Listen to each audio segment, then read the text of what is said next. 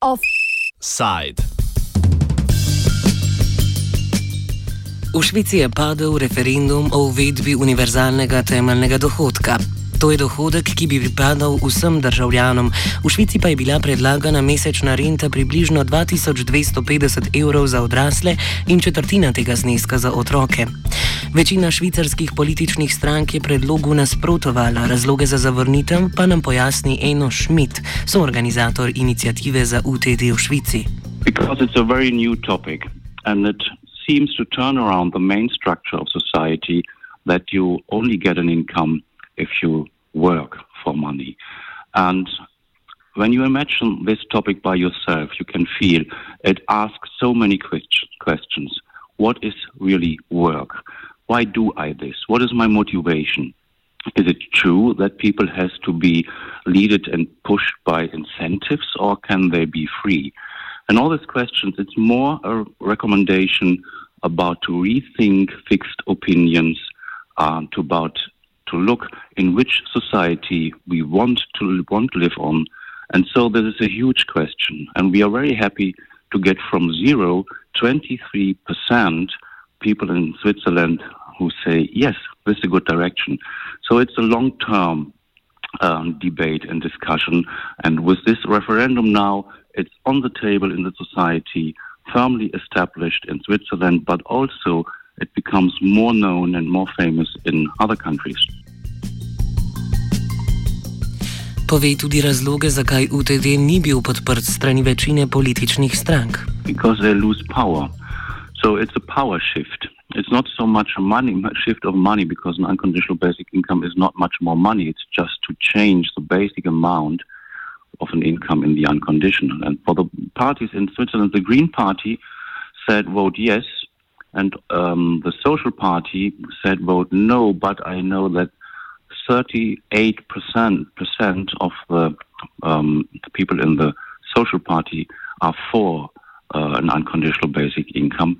And in the moment, with a new opinion poll we started shortly before the referendum, we know that in every single party, political party, there are more people that say and want to discuss this further on, this topic of an unconditional basic income, and less who wants to quit this from the agenda.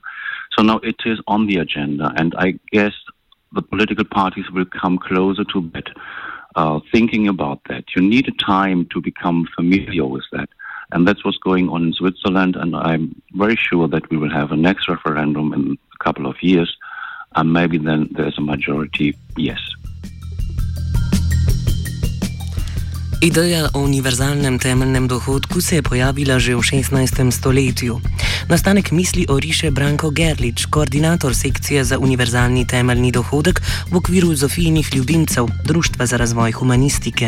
Za mene je ideja univerzalnega temeljnega dohodka nastala leta 1526 v knjigi Joannesa Ludovika Savivesa, nizozemskega filozofa, ki je knjiga se imenuje De subvencione pauperum ali o revščini in sicer na osnovi citata iz te knjige, poslovenjeno povedano, zemlja je last vsega človeštva in zato bi vsakdo, ki si rasti kak njen del, moral vsem nelastnikom zagotoviti preživetje. Za uvedbo univerzalnega temeljnega dohodka obstaja pobuda tudi v Sloveniji. Edino študijo, ki obstaja na tem področju, je leta 2010 napravila Valerija Korošec. Ta predlaga višino UTD-ja 300 evrov na prebivalca.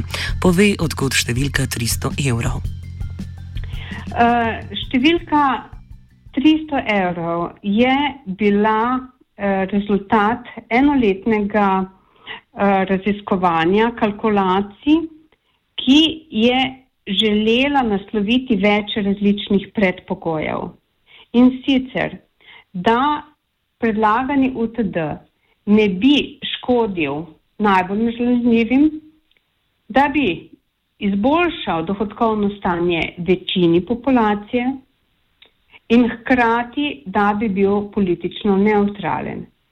Potrebno je vedeti, da je študija nastala v specifičnem političnem trenutku, ko se je pripravljala uh, Svetlikova socialna reforma. Takrat smo, oziroma takrat sem razmišljala o sistemu, ki bi lahko bil alternativa Svetlikovi reformi in ne samo to, da bi bila možna z najmanjšimi možnimi uh, spremembami in davčnega in socialnega transferja, transferjev uporabna tako rekoč naslednje leto. Financirali bi ga iz zavarovanja za primer brezposelnosti in zavarovanja za primer starševstva. Ta dva prispevka bi se zbirala v proračun za financiranje UTD-ja. Ukinjene bi bile tudi davčne olajšave za otroke, za vzdrževane člane, za starejše od 65 let, olajšave za tiste z dijaškim ali študentskim statusom in splošna olajšava. Njihovo vlogo bi prevzel UTD, ki bi bil neobdavčen. Ukinjene olajšave predstavljajo del virov za izplačevanje UTD.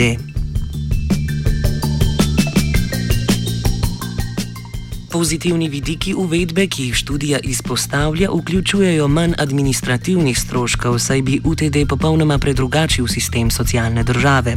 Namesto mnogih dodatkov, štipendij, podpor bi vsi dobivali mesečni dohodek. Ta bi prav tako popolnoma spremenil razmerja na trgu dela, saj bi delodajalec težje izkoriščal delavca, ki ne bi bil več življensko odvisen od službe. S tem bi se na trgu dela vzpostavili tudi boljši odnosi, saj bi se delodajalci, da bi obdržali zaposlene, morali potruditi. Nasprotniki uvedbe UTD-ja trdijo, da bi se z njim delovno aktivno prebivalstvo polenilo. Valerija Korošec odgovarja. Ker v Sloveniji, pogledajte, ko, ko pogledamo recimo eno skupino, ki sprijema na nek način zagotovljen dohodek, to so pokojnici.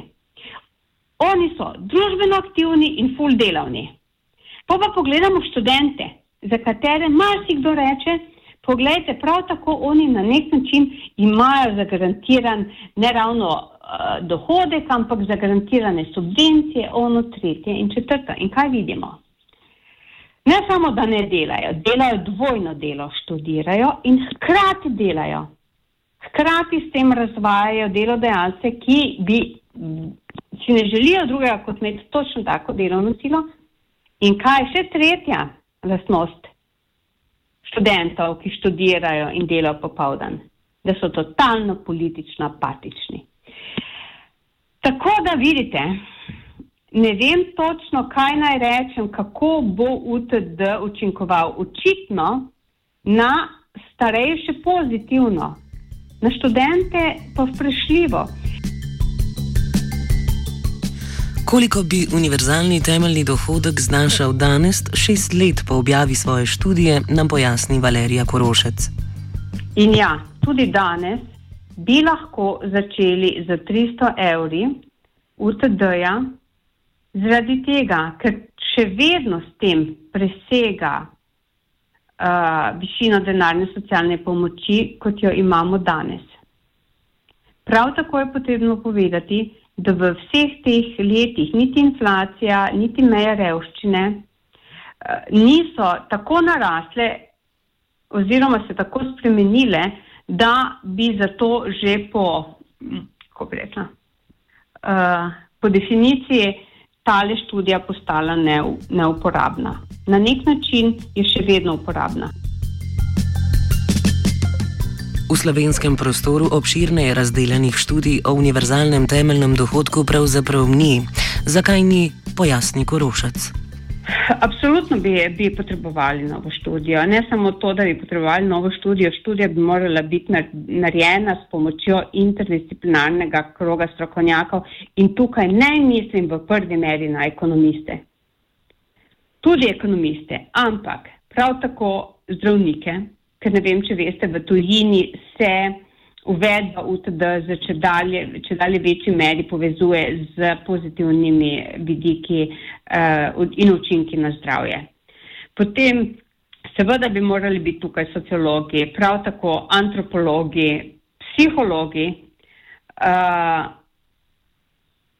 in seveda strokovnjaki za javno upravo in strokovnjaki za davčni sistem in strokovnjaki za sistem socialnih transferjev.